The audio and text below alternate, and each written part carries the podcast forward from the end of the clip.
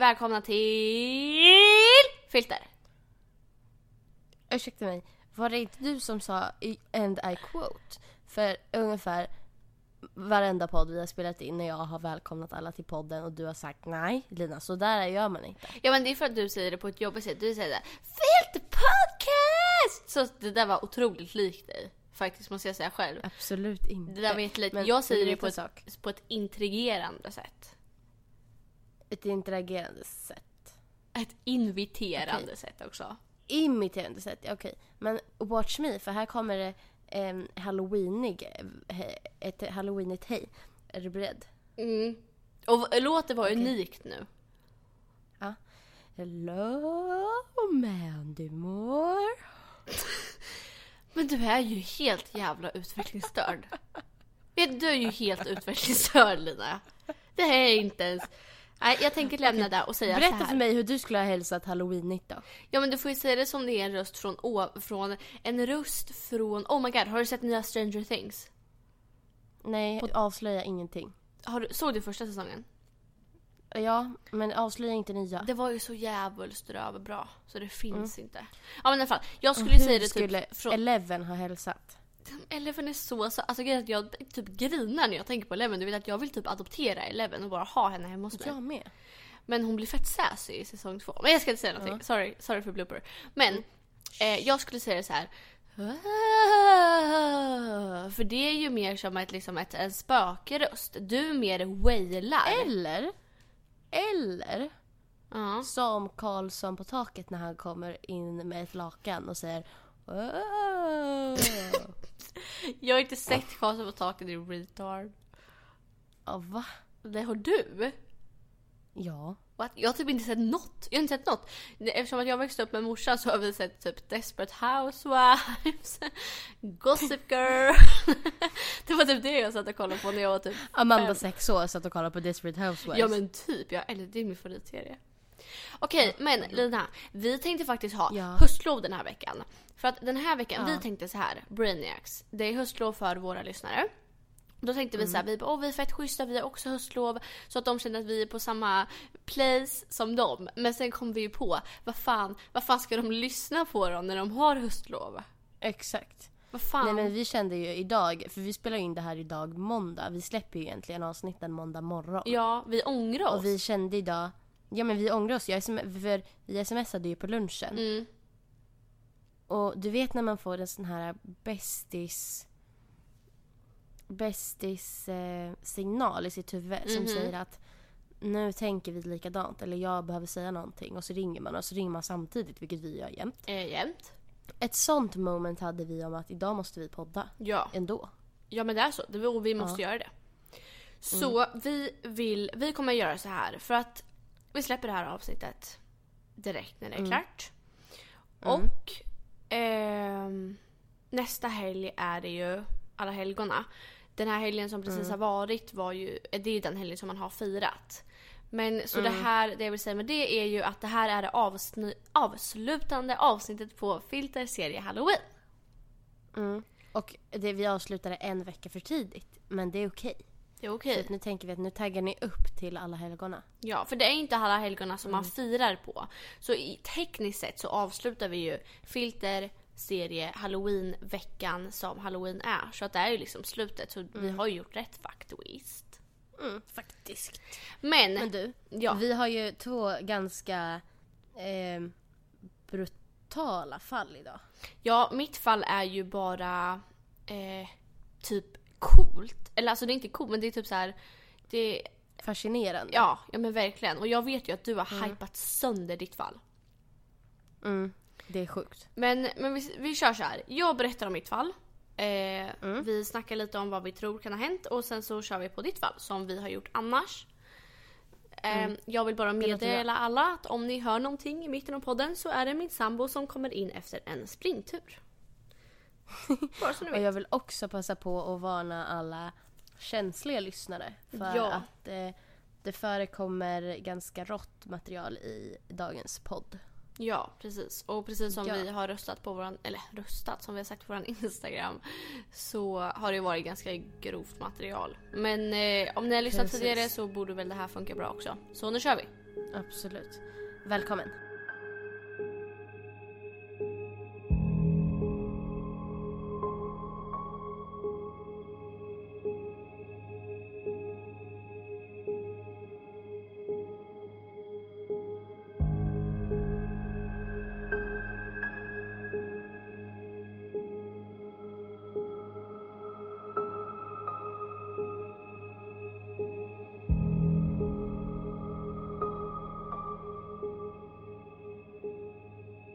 Lars Mittank var en tysk student som försvann på sin semester i Golden Sands i Bulgarien den 8 juli 2014. Så den 30 juni 2014 så åkte Lars, eh, han är då 28 år gammal. Eh, han åkte då med sina vänner till Golden Sands som ligger i Bulgarien. Det är väl typ som en semesterort som man åker till ibland och eh, ja, det är lite, det finns shopping, det finns barer, det finns liksom, man kan göra lite av varje. Ehm, så de tänkte i alla fall åka dit för ett par dagar bara av och, och chilla och bara hänga liksom. Och det här var ju 2014 så det var ju inte så länge sedan så det var ju ganska en modern tid om man säger så. Eh, den 6 juli 2014 eh, så hamnade han i typ en fight, eller en, ett slagsmål typ, med fyra andra killar eh, i, på en bar då. Och den här baren var ganska känd för att kolla på fotboll och, och andra, ja, men andra sporter typ. Eh, så när han var med i den här fighten med de här killarna eh, de slogs ganska länge och ganska hårt. Jag vet inte om hans vänner hjälpte till eller typ så här försvarade honom. Men hans örontrumma, eller vad man säger, eh, sprack i alla fall. Så trumman i örat sprack. Eh, det är ju ungefär som att man får lock för att. Eh, och sen måste ju den... Det gör väl jätteont också? Ja, ja men precis. Och den, den måste ju växa ihop igen så det tar ju ett tag liksom. Mm. Ehm, så det, det här fighten i alla fall, det här slagsmålet startades av att de blev typ Ja men de började tjafsa över något fotbollslag. Ehm, det var så att de här killarna typ hejade på Bayern Munich eller vad det där jäkla eh, laget heter. Och, och det var så att eh, Lars röstade på typ Werder Bremen. Det är också något fotbollslag. Jag vill inte säga att jag kan de här namnen för det kan jag inte. Men det är i alla fall det var helt, två helt olika lag och de började tjafsa om vilket som var bäst. Eh, började slåss och sen så sprack Lars örontrumman. Så det var det som hände. Mm. Eh, det här var i alla fall som sagt på slutet av resan för att eh, de skulle åka hem dagen efter. Okej. Eh, så det var alltså den 7 juli som de skulle åka hem. Eh, då sa i alla fall doktorn, och jag har läst lite om det här, men doktorn säger i alla fall att han eller säger och säger, men han, han rekommenderar att Lars inte flyger hem. För att det kan bli värre för, för örat om han flyger och Mm, får just högt det. tryck på örat. Jag har dock Mm. kollat lite på det här och googlat lite. Och den här... När örontrumman spricker så ska det egentligen vara skönare att flyga för att man får ett högre tryck och smärtan försvinner. Ehm, Okej. så för, jag hittar ingen anledning alls för Lars att inte flyga. Och jag Nej. tror inte, om jag ska vara ärlig, att någon läkare har sagt att han inte får det. Ehm, Okej, det Så- är jättekonstigt. ja, så jag vet inte. Men det står i alla fall att, han, att han, läkaren sa att han inte skulle flyga. ehm, och att han då fick en antibiotika istället. ehm, som kallade Okej. typ Cerufoxima. Det är någon sorts antibiotika. Den Okej. ska tydligen vara jättestark. Ehm, och ja, men han fick det i alla fall på flyg, ehm, eller på sjukhuset och han skulle ta det här och sen skulle han få åka hem. Eh, hans vänner sa då att de jättegärna stannade med honom. Att, eh, att det var inget problem för dem att stanna kvar och, och de kunde bo på hotellet och fortsätta ta det lite lugnt och sådär. Men han verkligen sa såhär, Mm. nej jag insisterar på att ni åker hem.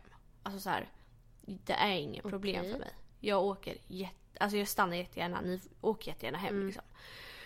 Så de var ju så här: okej, ehm, ja ja, eh, vi har ju varit här ett par dagar så visst. Men så här, om du är helt okej med det Lars så åker vi hem. Men eh, alltså, så här, om du vill att vi stannar så Mm. gör vi det.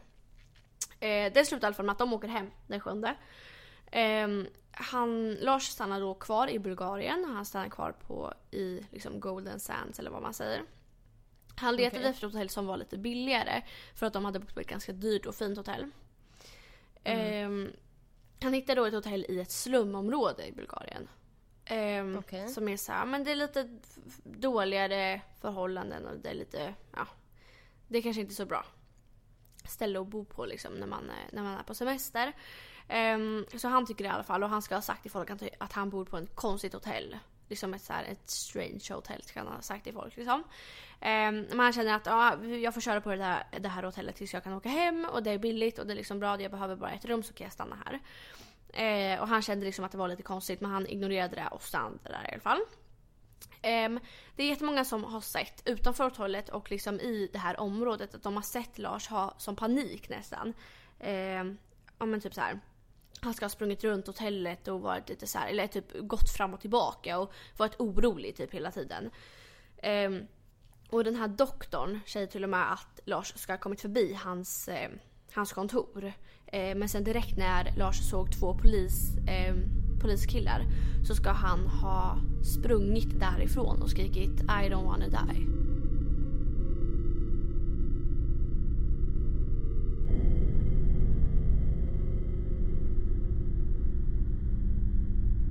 Så en dag efter att eh, Lars vänner har åkt, alltså den 8 juli, eh, så börjar han bete sig lite konstigt. Eh, han tycker typ att, ja men, ja men till exempel som i det här konstiga hotellet som han eh, bodde på, så på kamerorna så ser man att han liksom, ja men han beter sig jättekonstigt och precis som jag sa så ska han liksom, ja men det är jättemånga som tycker att han ska ha sprungit runt och irrat runt och liksom bara sett jätteorolig ut. Så Du är så obekväm. Ja men precis. Så det, det han gör är i alla fall att han, han skickar massa sms till sin mamma när han är på det här rummet och skriver så här. Avboka mina kreditkort. Typ så här, ta bort mitt... Eh, alltså avboka allt som kan dras från mig. För att jag känner att jag, jag är inte säker här. Alltså jag, jag kan bli rånad liksom. Ehm, och han ska ha sagt till sin mamma att det, är några killar efter mig. De är efter mig, de är efter mig. Han ska ha sagt det hela tiden. Eh, och han ska ha betett sig Alltså av, vadå, avboka som i typ så här. Alltså stäng av eller spärra typ. Ja men typ såhär spärra mina kort. Alltså typ såhär spärra allting som, liksom, som folk kan sno mig. Och typ såhär byt right. lås. Byt lås på min lägenhet hemma och typ sådana där grejer. Eh, så hans mamma blir ju jätterädd. Så hon säger på en gång, hon bara Lars jag har bokat ett flyg åt dig och jag har bokat en taxi till flyget nu. Så det är bara för dig att gå Okej. ut från det här hotellet och sen åker du till flygplatsen. Så sagt och gjort, han går ut, han sätts direkt i en taxi till flygplatsen och han åker. Eh, så när Lars kommer till flygplatsen så syns han på video liksom i själva, ja men på flygplatsen.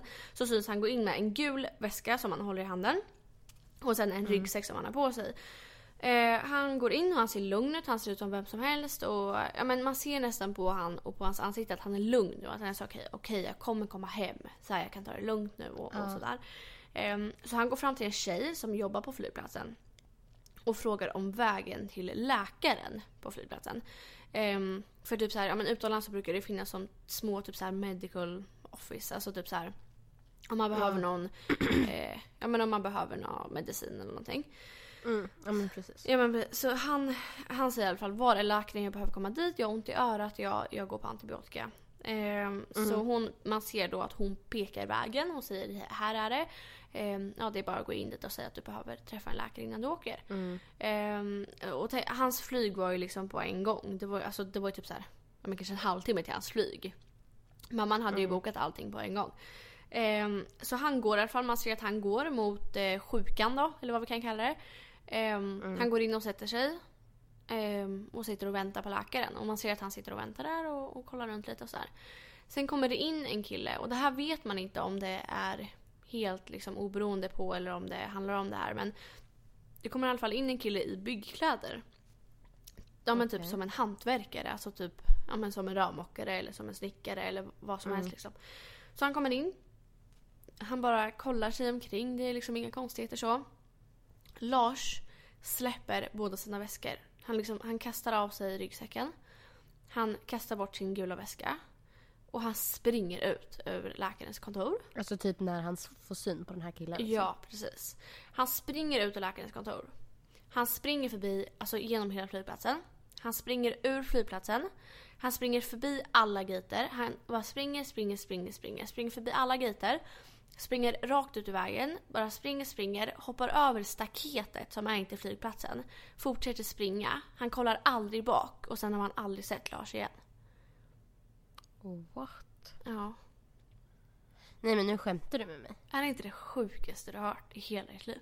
Nej men alltså vadå, vart är han? Eller? Ingen aning. Men han kan ju inte bara ha försvunnit upp i Han- Det är ingen som vet var han är. det eller? Det är ingen som har sett vad den är. Och alltså när man, när man kollar på den här videon, jag ska skicka den till dig sen. Man kollar på den här videon när han springer, för att han, han är ju med på alla kameror runt flygplatsen. Så han, han kollar aldrig bak. Alltså det är inte så att han kollar om någon jagar honom. Det är liksom inte så. Han kollar aldrig bak. Han bara springer. Och ett Han måste ju ha varit livrädd Ja, om han inte vänder sig. ja. Och vid ett tillfälle, typ vid gaterna, så saktade han ner lite. Eh, och typ så här, ja men nästan som om han tar det lite lugnt så här, ja ja men ja, jag kan jogga lite eller jag går lite så. Mm. Men sen börjar han kuta igen. Och sen klättrar han över ett staket, alltså ett helt staket, typ som ett fängelsestaket. Alltså det är ett jättehögt Mm. staket som är runt flygplatser ibland. Och sen bara fortsätter han springa. Man bara ser att han springer, springer, springer. Han kollar aldrig bak.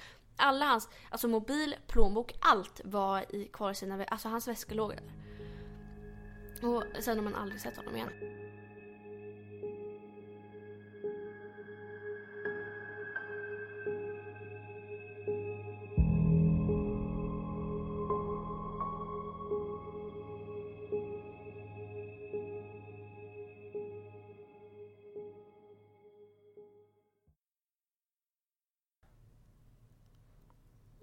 Det, det är så sjukt. Alltså det, jag, jag kan inte ens... Och jag blev typ berörd av det här fallet för att jag tänkte så här: okej, han är tysk. Först och främst är det nära oss. Det är liksom, det är en skandinavisk kille där. Ehm, Men alltså det är verkligen våra grannar. Ja, och, och, ja men precis. Och för det andra, han är liksom 28 år. Han är en helt vanlig kille. Alltså, det, han ser ut som vem som helst. Och han, han var liksom på semester. Och jag började tänka så här, okej. för att det finns lite teorier runt att han skulle, alltså. När han hamnade i den här fighten. Att han ska ha, ja men typ att de ska ha tvingat på honom att börja sälja knark. Eller att det ska ha varit någonting med knark som typ alltid finns en teori runt alla mord. Typ att det ska handla om knark. Men jag känner typ allt det här för en liten fight om Om ett lag som, som liksom. två olika, ja men alltså såhär supporterfight. Ja men precis, det är helt sjukt. Och, och jag känner så här, varför skulle man säga, alltså om du och jag var utomlands och min örontrumma Mm. sprack och jag inte kunde flyga hem. Då skulle ju jag bara, Lina du stannar med mig. Alltså så här. Alltså var, det varför... känns så konstigt också att det vore, alltså såhär det, det är ju uppenbarligen, eller Ja, men alltså de, de, de kunde lika gärna ha varit ett slagsmål där hans trumhinna inte sprack. Alternativt att han Ja. sket i dok- Ja, doktorernas precis. rekommendationer och åkte hem ändå. Ja men precis, Nej, jag, jag tycker det är Men helt då sjukt. kanske de tänkte så här, ah, good luck, for, eller så, that's your luck, om han hade gjort det. Men, Men jag förstår men liksom känns inte, kanske det, som det att kan ju var inte tillfället. Men vad har hänt? Eller gud, jag sitter och pratar om det som att det vore de som hade gjort någonting, men det vet man ju inte. Ja, nej man vet faktiskt inte vad som har hänt. Och, och jag tycker att det är jättekonstigt. För det första så tycker jag att det är jättekonstigt att han bad sina kompisar att åka hem. Det tycker jag typ är det konstigaste för att det gör man ju Mm. inte. Och sen att han uppenbarligen var orolig på det här hotellrummet och på det här liksom lite udda hotellet. Alltså va- varför sa Ja. han inte bara, varför åkte han inte bara? Och sen när han satt i taxin på väg hem, och det här har jag typ diskuterat med Love också. Han satt ju på flygplatsen. Om det kom in någon som skulle kunna dödat honom, om det kom in någon som, som var ute efter honom. Sätt dig på gå till din gate, sätt dig på flyget och åk hem. Alltså du var ju där, varför springa ut i Bulgarien? Alltså så här, han är inte ens hemma. Fine om han hade sprungit ut i Tyskland. Då hittar han ju i alla fall. Men så här, varför springa ut i Bulgarien? Är inte det jättekonstigt? Att man, att man ens vågar Jo, i ett på helt främmande flygplatsen hade land. han i alla fall skydd känns det som. Ja, Eller- precis. Alltså oavsett liksom. Varför inte bara sätta sig på flyget och åka hem? Ja. Vad tror du har hänt då? Alltså jag vet inte. När man kollade igenom hans, eh, hans väskor så fanns det ingen knark heller och det finns inga droger och det enda som finns är ju hans antibiotika. Det jag tror kan ha hänt är väl att, ja men, typ att han kanske blev lite schizo av de här drog, eller av den här antibiotikan. Men jag menar, han kanske fick något snedslag på det eller att han ska, han kanske drack när han var sådär paranoid på, på hotellrummet och, och att dricka alkohol och antibiotika är ju kanske inte den bästa blandningen liksom. Mm. Ehm, så det kan ju vara något sånt. Ehm, det som är är att man ska ha förra året så ska det i Bulgarien ha kommit in på sjukhuset en hemlös man. Som ska ha Okej. varit ganska lik honom. Eh, Mhm. Alltså inte jättelik utan mer så här, ja det ser lite ut som han. eh, om man Mm. typ vill det. Han är typ blond och han har jättemycket skägg. Och, och ehm, Lars hade inget skägg. Oj. Men, Nej, men, men- ja, fine om man är hemlös i två år. Mm. Ja, men så det är i alla fall det som har hänt. Jag vet inte vad som kan ha hänt och jag tycker att det här fallet har varit det som mest har, har påverkat mig. För att han är inte död. Alltså, eller han, han räknas inte som död. Förstår du? För att han är ju så här. Fan kan han inte bara åka hem? Eller jag vet inte. Mm. Kan, och, Det finns liksom in, det finns inget direkt motiv heller. Det är det som är så sjukt. nej precis. Och sen så finns det en grej som jag tycker är ja, men egentligen lite oviktig. Jag vet inte. Hans vänner sa i alla Mhm. fall efter att han inte kom hem så berättade de Mm. att när de var ute en kväll efter den här fighten så Mm. eh, och de sa så här, "Ah, ska vi dra till McDonalds och köpa lite käk eller så, lite fyllekäk Mm. liksom. Då um, väntade han utanför på kvällen då. Mhm. När de gick in och köpte. Sen när de kom ut så var inte Lars kvar. Okej. Eh, de bara okej, han kanske gick till hotellet så här. Så gick de till hotellet och han var inte där. Och så gick de och la sig och sen dök han upp morgonen efter. Okej, han har haft något, något fuffen sa ni. Ja, det känns som någonting har hänt men jag vet inte vad det kan vara. Och varför inte bara säga det? Varför inte bara någon tvingar mig att, sälja knark eller någon tvingar mig att göra det här eller typ så här, de, de, Mm. de har någonting på mig. Alltså vad som helst. Varför inte bara be om hjälp? Och jag kan inte, jag vill bara fråga Lars så här, varför åkte du inte hem? När du satt på Nej. flygplatsen. Du hade du en hade biljett i chansen. handen. Ja. Skitsamma, alltså fan om, om Hitler kom in hade jag åkt hem. Fattar du? Jag hade aldrig stannat kvar. Mm. För att då är man ju kvar i skiten. Alltså om man åker hem då kan man i alla fall så gå till polisen hemma eller ta hjälp av sin familj. Alltså vad som helst. Om han var i skit Mm. så skulle han kunna få hjälp. Mm. Men eh, ja, jag vet inte. Det är väl förmodligen ett så här fall som aldrig kommer bli löst. Nu ska du få höra om ett fall som är ännu mer vrickat. Okej. Eh, och eh, det är försvinnandet och mordet slash upphittandet av eh, två tjejer eh, på, som heter Lisanne Froon och Chris Kremers. I mars 2014 så åker eh, Lisanne och eh, Chris som är eh, från Holland eh, till Panama. Och de här två tjejerna har under sex månaders tid sparat ihop för den här resan och äntligen ska de få åka. De har jobbat på ett café som heter Inden kleinen Hub. Och det är liksom det enda de har gjort den senaste tiden för att kunna göra det här. Eh, Lisanne föddes den 24 september 1991 och eh, Chris föddes den 9 augusti 1992 så de är 21 och 22 år gamla Mhm. eh, vid den här tidpunkten, alltså 2014.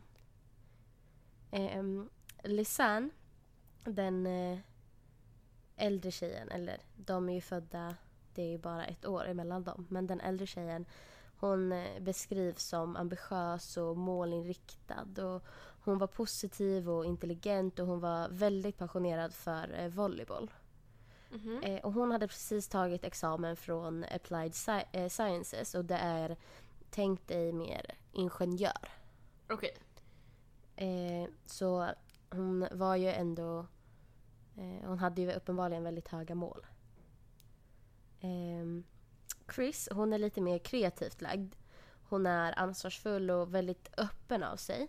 Och eh, hon har precis eh, likt eh, Lisanne ganska nyligen också tagit examen från eh, social sciences, eller mer samhällskunskap. Eh, där hon har haft konst som en inriktning.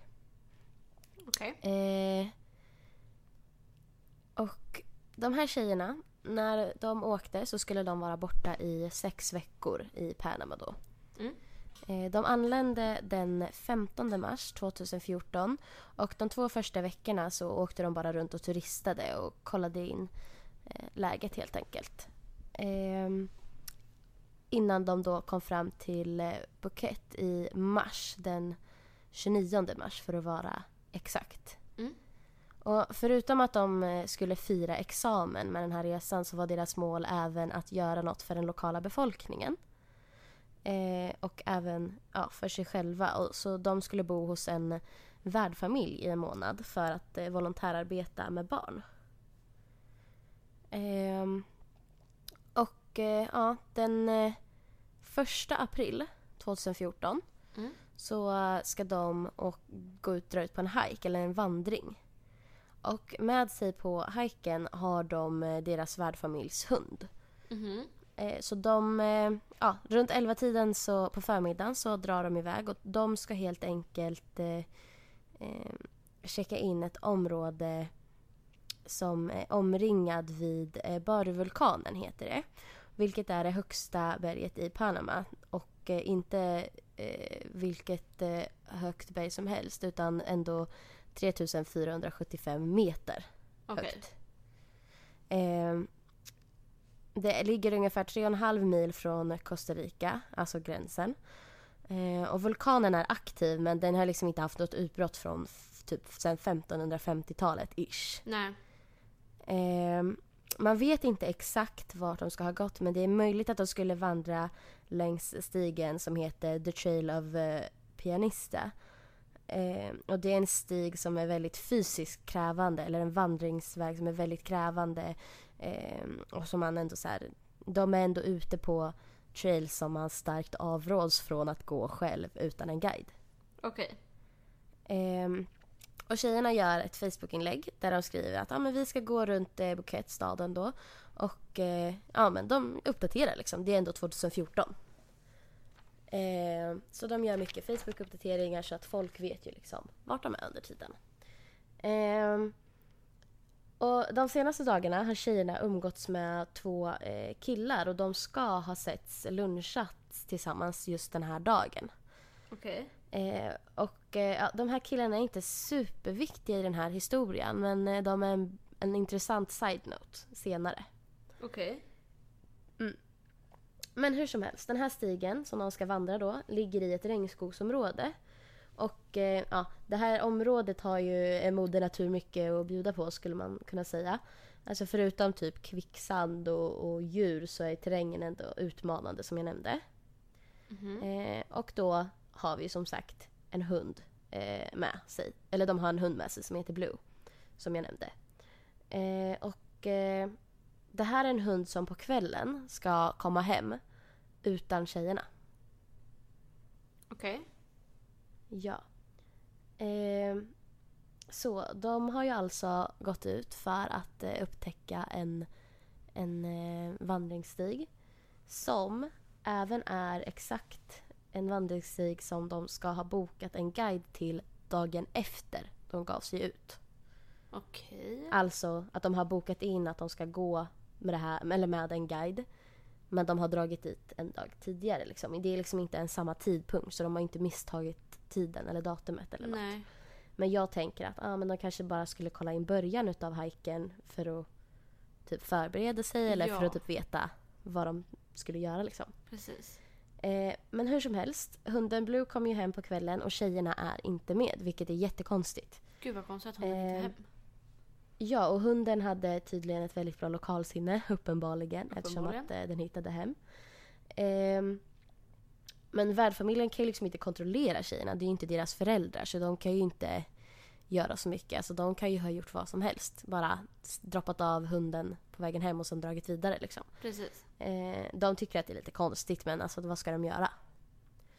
Ehm, men här slutar all kontakt som man egentligen får från tjejerna. Ehm, deras föräldrar som har fått sms, eh, eller speciellt Lisans föräldrar, slutade få dagliga sms typ vad de har gjort och hur de mår och sådär. Mm. Eh, och den 3 april så börjar man leta efter tjejerna för att de har ändå varit borta nu och ingen har hört eller sett någonting.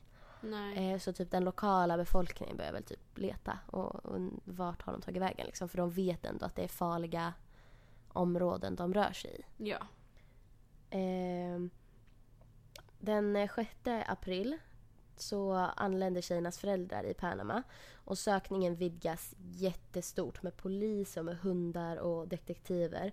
Och föräldrarna utlyser 30 000 dollar i reward till den som har något tips eller något som kan, alltså som kan leda till att de hittar tjejerna. Ja.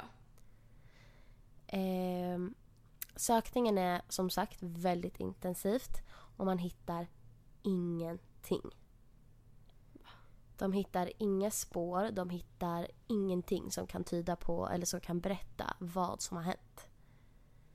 Fan vad sjukt. Tio veckor senare, alltså två och en halv månad senare, Mm. så är det en, eh, en äldre, eller ja, det är en kvinna som, som, eh, upp, som bor där. En lo, hon är så local. Mm. Eh, hon lämnar in Lisans ryggsäck till polisen. Eh, som hon uppger att hon har hittat nära en vattensamling eh, som vid eh, ett ställe som heter Alto Romero eh, där hon bor. Okej. Och eh, hon säger när hon lämnar in den här väskan att eh, jag var där alltså dagen innan och jag är 110% säker på att jag har, väskan låg inte där igår. Jag vet liksom att den låg inte där. Ehm, och väskan ska, eh, vad jag har hittat, vara även blå och det är liksom, alltså i en regnskog så känns det ändå som att blått är en färg som ändå lyser lite. Jag skulle sticka ut liksom. Ja, och den har liksom inte legat undan gömd utan ja, den har Okej. legat liksom, mm, ja, ganska enkelt att se så sett. Okej. Ehm, I väskan så finns eh, Lisans eh, kamera, två bikinis och även båda tjejernas eh, telefon. Det är en Samsung och en iPhone. Mhm. Ehm, och även cash. Och allting är i bra skick. Alltså allting ser ut som att det är orört. Eh, förutom liksom att det har kanske fått utstått lite regn och sådär. Men alltså annars ser det orört ut. Okej. Ehm, de eh, börjar undersöka telefonerna och deras telefonloggar visar flera utgående samtal till 911 och 112. Nej. Ehm, och det här är alltså bara några timmar efter att de har gett sig iväg på den här eh, vandringen. Nej. Ehm, de eh, gav sig iväg strax runt alltså 11-12, alltså mitt på dagen liksom. Ehm, 4.39 PM, alltså 16.39 Mm. så har Lisanne på sin telefon ringt första samtalet och eh, Chris eh, 4.51 PM, alltså 16.51 ringt första samtalet. Uppenbarligen har någonting gått väldigt fel. Uppenbarligen. Men samtalen kopplas liksom inte upp. Det finns inte täckning. De når inte fram. Nej. Eh, förutom ett samtal som bröts igen, eller alltså det bröts liksom efter en sekund. De kom igenom och sen så bröts det. Nej. Eh, Lucins telefon har dött. Och eh, Chris, man ser att Chris telefon eh, har stängts av och på liksom flera, eh, flera gånger men man har inte gjort något samtal. Eh, men att man då har satt på de här för att inte kolla täckningen typ. Ja, precis. Ehm, den 6 april, Mm. Alltså även samma dag som tjejernas familj anländer, Ja. så eh, kan man se i efterhand då såklart att Chris telefon sätts på. Okej. Eh, man ser också att eh, flera försök har gjorts för att öppna telefonen. Alltså flera försök till att ja, gissa rätt pinkod typ. Okej. Eh, utan framgång. Man alltså den personen som har slagit in pinkoden kommer inte in på telefonen. Okej. Det vill säga, det kan inte vara Chris som slår in fel pinkod på sin egna telefon flera gånger. Nej. Eller alltså det känns konstigt att, det, att hon skulle göra det med tanke på att hon ändå har öppnat telefonen flera gånger de senaste dagarna. Det kan ju vara den andra tjejen. Eh, det kan precis vara det och jag kommer till det också. Mm. Eh, men mellan den 17 och 10 april Mm. så har 77 nödsamtal gjorts utan framgång. Alltså utan att de har liksom kommit 77 igenom. stycken. 77 stycken. Och då undrar jag, vad fan hände? Eller alltså vad fan är det som händer? Vad fan. Ehm, den 11 april Mm. sättes telefonen på 10.51 am, alltså 10.51 på förmiddagen. Mm. Och stängs av för sista gången 11 11.56 am, alltså 11.56. Eh, alltså nästan fem i tolv på, vid lunch. Mm. Eh, sen har man inga mer records från telefonerna. Det är ju även en kamera i den här väskan. Mm. Och eh, det är väldigt mycket turistbilder typ från första april. Bara timmar innan man ser att de har gjort första samtalet till eh, eh, 911 eller 112. Okej. Eh, alltså vanliga så här, ja men bilder på skogen och området och på tjejerna och sådär. Mm. Eh, den 8 april så har 90 bilder tagits med kameran. Mellan ett på natten och fyra på morgonen. Eller alltså mellan liksom ett och fyra. Okej. Eh, kom ihåg att Lily Sands eh, telefon dog samma dag också. Mm. Eller dog, förlåt, dog den 5 april. Mm. Mm. Eh, och det är viktigt. Lily Sands telefon dog den 5 april. Okej. Det vill säga att de har bara Chris telefon. Eh, men det här är ju liksom en digitalt kamera nu. Mm. Men som sagt, den 8 april eh, så tas 90 bilder. Och det är liksom så här, man ser på bilderna att det är så djup djungel verkligen. Det är typ becksvart. Okej, är det med blixt? Eh, ja, några utav bilder är med blixt. Okej. Mm. Eh, man ser, på en utav bilderna ser man ryggtavlan av Chris. Mhm. Eh, och det här är lite oklart för jag har själv inte sett bilden så jag kan inte avgöra. Men det uppges på väldigt många ställen att eh, på just den här bilden där man då ser hennes huvud ska man se, eller man ska kunna se någonting som skulle kunna antyda blod. Okej. Eh, men som sagt, sen kan man ju också diskutera det. Jag menar, är man ute och vandrar i djungeln, att riva sig på en gren är väl kanske inte superomöjligt. Nej, precis. Eh, men det är ändå så man ser det. Ja. Ehm, och det här är då alltså den 8 april. Okej. Eh, men första gången man failar att slå in pinkoden är redan den 6 april. Det vill säga att Chris lever den 8 april. Vänta Men man har failat pinkoden den 6 april. Två dagar tidigare. Okej. Då undrar jag, vem är det som håller i kameran som tar bilden på Chris? Och eh, som, jag, alltså som du sa tidigare, alltså hade det varit tvärtom, eller låt säga att, att det hade varit en bild på på Lisanne så hade det kanske varit mer uppenbart att det var någon annan som stod bakom kameran. För att då hade det kunnat varit Lisanne som har försökt öppna Chris telefon och failat med pinkoden. Ja. Ehm, nej, alltså uppenbarligen för att hennes dog och Chris kanske hade försvunnit. Mm. Men uppenbarligen är det inte så för just det här. Vänta, så någon tar bild på Chris? Eller är det Chris? Men frågan är då varför är telefonen? Eh, eller alltså var, varför failar man att öppna telefonen två dagar innan? Och även att tilläggas så finns det även records som visar att man har failat att öppna telefonen den sjunde också. Alltså dagen innan man har tagit en bild på Chris med kameran. Fy fan vad läskigt. Mm. Så, hur som helst. Den här ryggsäcken eh, som man hittar ledde såklart till alltså, nya sökningar och nya eh, ledtrådar två och en halv månad senare. Eh, och i, jag vet inte riktigt hur man uttalar det här, men i Coolabry där man hittade, eller där har man hittat Chris eh, jeansshorts. Eh, som är fint ihopvikta. Mitt emot den här vattenbankens andra sida där man har hittat Lisannes väska. Okej. Mm. Eh, senare, två månader, ytterligare två månader, Ja. nära där ryggsäcken ska ha hittats. Och nu återigen, nu varnar vi, jag varnar känsliga lyssnare.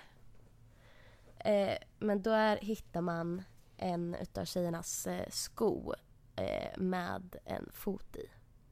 Åh, oh, fy fan vad äckligt. Mm. Eh, senare hittar man 33 utspridda ben från båda tjejerna. Från båda tjejerna. Ja. Eh, Lisannes ben hade fortfarande skinn och eh, Åh. alltså, ja, kvar på. Okej. Medan Chris ben har blekts. Blekt. Blekts, alltså så här. Eh, ja men när man har blekt benen, alltså så här kemiskt. Med blekmedel liksom. Ja. Eh, och have in mind nu att en vuxen människa har ju över, vad är det, 260 någonting ben Ja. I kroppen. Man har hittat 33 små fragment typ. Som är utspridda med väldigt stor så här, alltså, ja. Ehm, och eh, frågan är vad i helvete är det som har hänt de här tjejerna? För att det finns experter som säger just det här med att de blekta benen. Eh, att det skulle kunna röra sig om en mexikansk kartell. För att eh, där använder man apparently eh, blekning för att snabba på typ ruttningsprocessen. Okej. Eh, och något som också är jättekonstigt är att polisen vägrar att ge ut eh, eh, alla dokument från, eh, vad heter det på svenska? Autopsin. Vad heter det? Eh, Eh, obduktionen. Tack. Obduktionen. Polisen vägrar ge ut dokument från obduktionen. Och det spekulerar ju folk i att de tror att det har att göra med den här eh, mexikanska kartellen för att man uppenbarligen ligger under ett hot då. Ja. Ehm. och en annan sak som också är konstigt, jag menar de har ändå varit i en väldigt konstig, alltså farlig terräng. Ja. Eh, och även fast jag nämnde i början att eh, det är klart att förutom kvicksand och, och väder eh, och klimat och djur och sådär, eller ja, specifikt djur, så har man inte sett djur i närheten. Det finns liksom inget speciellt som tyder på att det skulle kunna vara en attack som har skett utav djur. Nej. Och det är inte så att en, ett djur skulle kunna ha blekt benen. Och varför skulle någon bleka benen i efterhand? Och varför bara bleka liksom ena benen? Alltså, Exakt, ja. Med tanke på att för det drog, man, man ska ha sett att Lysans ben är äldre. Som man ska liksom att de har... Alltså... Som att hon skulle ha varit den som hade dött först. okej. Lisän. I så fall. Ja, precis. Eh, vilket... Eh, ja. Ja, men det är superkonstigt. Eh, men i alla fall. Sen är det en av dem, den, den första utredaren som tilldelades det här fallet Mm. eh, besökte just den här, alltså besökte det här området. Eh, hon, eller han, lades in på sjukhuset på grund av uttorkning efter att bara ha varit på de här platserna i typ fyra timmar. För Okej. att klimatet är så pass ansträngande. Alltså fuktigheten är så hög och det är liksom... Alltså, har du tänkt dig, du vet om man är på ett... Eh, eh, ett så här regnskogsaktigt liknande, typ eh, om man är på typ ett zoo eller någonting. Mm. Eh, om man kommer in där det är mycket med ormar och sådär och de ska till, eller papegojor och man ska så skapa samma miljö. Mm. Då är det ju jättesvårt att andas för att fuktigheten, luftfuktigheten är så hög. Ja. Eh, vilket var anledningen till varför hon lades in. Men have in mind att tjejerna försvinner i början på april. Mm. Och, och enligt telefon, telefonerna så ska ju de fortfarande ha använts runt den tionde, det vill säga nästan två veckor. Tjejerna Ja. har inte haft med sig vatten eller mat. Oh, Hur har de i så fall överlevt så länge? För att vad jag men, vad, vart jag vill komma med att om den här utredaren efter fyra timmar, alltså det kanske man ska, kan använda som någon typ av eh, mätstock för hur ändå ganska krävande miljö de är i. Alltså så här, jag menar som i att det kanske faktiskt var så att, att, de, att en, en olycka inträffade. Eh, Ja. Eller att de gick vilse. Eller någonting. Eh, Det känns som någon det ändå måste ha tagit hand om dem. Det känns som att någonting mer är inblandat för att, för att benen ligger utspridda. Eh, benen är blekta. Väskan hittas på olika... Eller alltså väskan och, och allting ligger på utspritt. Varför har någon vikt ihop hennes shorts? Ja. Varför har hon tagit av sig dem? Ja, what the fuck? Ja. Och varför vägrar allt- polisen... Ja, varför vägrar polisen ge ut dokument från auditionen? Alltså allt är, det är så, så- oklart. Det är så vrickat och det är så äckligt att det finns så många ändå möjliga utvägar i det här. Ja, Alltså det precis. som är grejen är att i tidigare fall som vi har pratat har det kanske varit att oj det här är så skevt. Hur är det här möjligt? Mm. Men i det här fallet är det faktiskt på riktigt så att de skulle kunna ha alltså de skulle kunna ha dött på grund av klimatet. Alltså på grund av Men det känns att liksom... de faktiskt blev uttorkade. Det känns som att man typ skulle kunna hitta på vilken lösning som helst i det här fallet. Alltså för att, för att det finns så jävla mycket olika grejer som skulle kunna ha hänt dem. Ja. Och det finns ju Precis. ingen chans för oss att få veta det. Och jag tycker det är så läskigt. Nej. Och jag typ önskar Ja. att man kunde prata med andar typ. Eller alltså Ja. att, att någon kunde komma till en och typ... Och inte, berätta. ja men inte för att jag kanske skulle må bättre av det. Eller alltså förstår jag, det är inte så att jag skulle tycka så här, ah, okej men då är det mindre synd om dig. Men Nej, jag, verkligen inte. Men bara för att... Och det är ju så, människan söker ju hela tiden logiska förklaringar till allt. ja och det blir så mycket error när man inte kan förstå. ja, men, och Och här så här, kommer nu... Ja. Ja. Nej fortsätt. Ja, nej. Och här kommer nu också en side-note. Mm. De här killarna som de mix med. Ja just. Mm. De har gjort intervjuer med dem.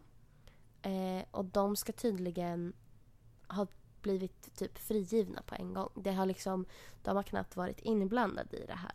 Och de har ändå spenderat jättemycket tid tillsammans med de här killarna. Ja. Eh, och eh, det är de som de har setts med eh, av vittnen då. Sista gångerna, alltså sista gången de har setts vid livet har de umgåtts med de här killarna. Men gud vad konstigt att de inte Men det är finns inblandade. inget på det. Det känns som någonting är riktigt...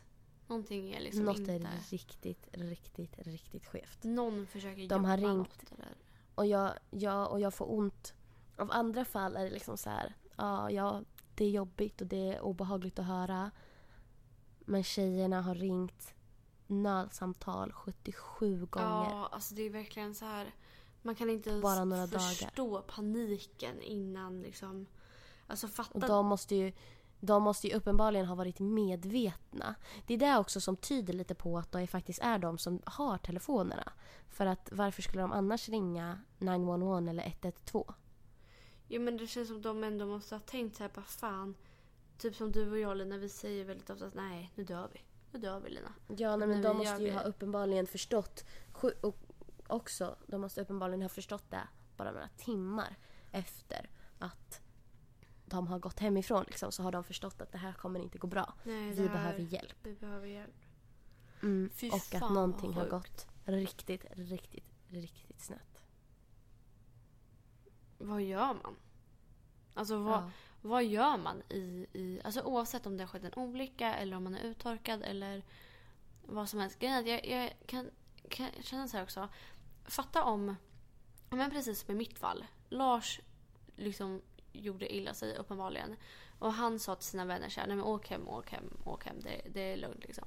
Och jag tänker så här, Mm. tänk om den ena tjejen blev typ skadade sig. Eller den ena tjejen kanske svimmade av av uttorkning eller någonting. Och att den andra tjejen då kanske, alltså typ om Chris kanske svimmade av typ Ja. av, av uttorkning eller någonting. Och, och hon sen bara, nej men jag kan inte lämna henne här typ.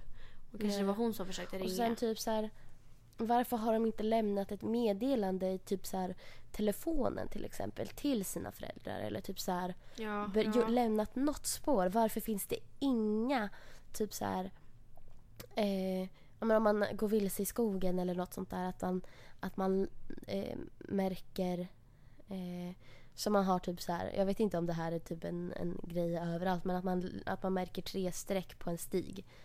Eh, att man stannar på ett och samma ställe, att man, eh, inte vet jag, försöker göra upp någon, någon typ av signal att vi Ja. behöver hjälp. De, det finns liksom inga spår. Och varför har hennes fot gått av? Ja, what the fuck. Och varför har hon tagit av sig Alltså, shortsen? här- Det är jag typ så här jätte... Jag har typ fastnat på det. Varför har hon tagit av sig shortsen?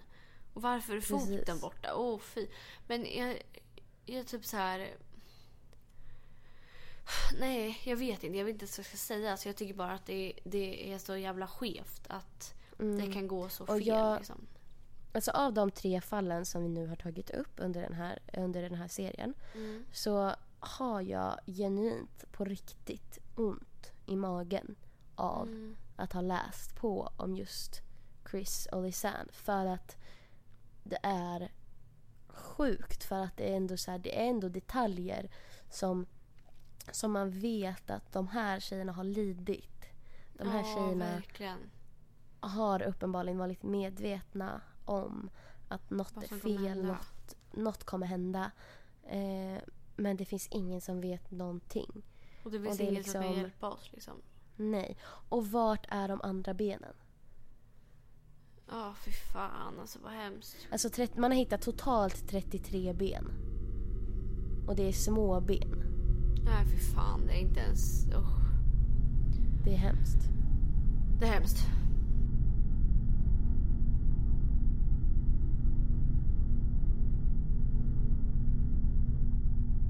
Det här var alltså vår första filterserie eh, inför halloween. Och eh, vi eh, är jätteglada och jättetacksamma över att ni har lyssnat. Och eh, nästa vecka hörs vi igen fast jag tänker inte säga som vanligt. Nej, För att nästa vecka händer något nytt. Såklart. Men, Ja. eh, men nu är filter serie halloween över i alla fall. Ja. Och om ni vet, alltså jag, som jag sa, av alla fall så har jag fastnat så mycket för det här fallet. Och jag vill verkligen genuint veta vad är som har hänt. Och om ni kanske har någon så här vet jag, banbrytande idé eller teori, alltså hit us. Alltså hit, slide our DMs. För jag vill verkligen veta vad du tror.